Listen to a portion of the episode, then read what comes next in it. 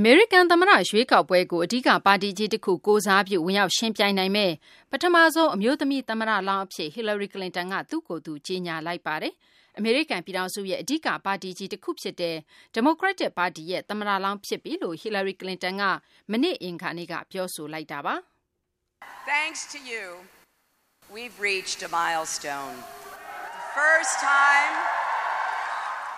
အားလုံးကိုကျေးဇူးတင်ပါတယ်။ကျမတို့သမိုင်းမှတ်တိုင်တခုစိုက်ထူနိုင်လိုက်ပါပြီ။ကျမတို့နိုင်ငံရဲ့သမိုင်းမှာပထမဆုံးအကြိမ်အမျိုးသမီးတဦးအဓိကပါတီကြီးရဲ့သမ္မတလောင်းဖြစ်လာတော့မယ်လို့ Hillary Clinton ပြောသွားတာပါ။လာမယ့်ဇူလိုင်လမှာကျင်းပမယ့်ဒီမိုကရက်တစ်ပါတီညီလာခံမှာမဲမခွဲရသေးခင်မှာတော့နိုင်ငံခြားရေးဝန်ကြီးဟောင်း Clinton အနေနဲ့ပါတီရဲ့တရားဝင်သမ္မတလောင်းတော့မဖြစ်သေးပါဘူး။မနေ့အင်္ဂါနေ့ဒီမိုကရက်တစ်ပါတီရဲ့သမ္မတလောင်းပဏာမရွေးချယ်ပွဲတွေမှာတော့ပြိုင်ဘက် Vermont အထက်လွှတ်တော်အမတ် Bernie Sanders က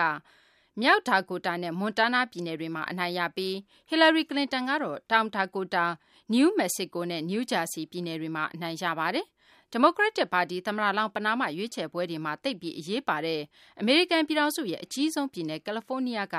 တရားဝင် မဲရလဒ်တွေ ထွက်ပေါ်မလာသေးပေမယ့် Hillary Clinton ကပါတီ ညီလာခံ ကိုယ်စားလှယ် ၄၇၅ ဦးထဲက အများစုကို အနိုင်ရထားပါတယ်။အထက်လွှတ်တော် အမတ် Sanders ကတော့ ဒီမိုကရက်တစ် ပါတီ ညီလာခံ ကျင်းပချိန် အထိ ပါတီတွင်း သမ္မတလောင်း ပဏာမ ရွေးချယ်ပွဲတွေမှာ ဆက်ပြီး ယှဉ်ပြိုင်နိုင်ဖို့ကယ်လီဖိုးနီးယား ပြည်နယ်မှာ အများစု အနိုင်ရရေးဆိုတဲ့ မျှော်လင့်ချက်ကို ဆုပ်ကိုင်ထားခဲ့တာ ဖြစ်ပါတယ်။